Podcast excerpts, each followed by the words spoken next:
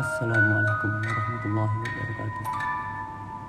Saya Muhammad Andi Wianto ingin menceritakan sebuah kisah nyata. Saya dapat kiriman yang berjudul cerita ini adalah dua anak bermain.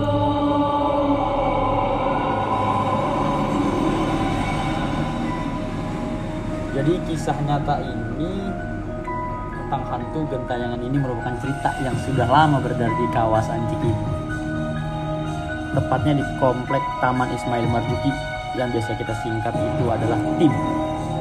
Jadi pada suatu ketika kawasan tersebut masih menjadi kebun binatang kota. Anak-anak yang tinggal di daerah sekitar kebun binatang sering bermain ke tempat ini untuk melihat hewan.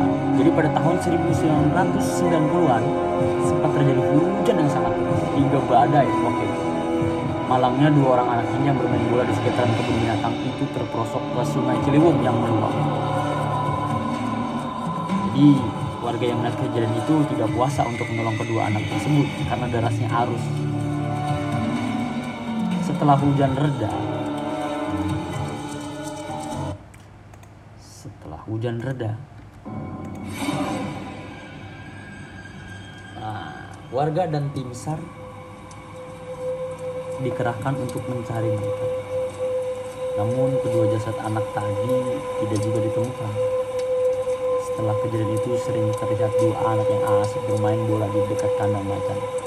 Yang sekarang itu menjadi gedung teater tim. Tapi anehnya, kedua anak itu baru mulai bermain di waktu maghrib saat anak-anak lainnya itu pulang. Dan selain itu, mereka juga sering berlarian menembus kaca.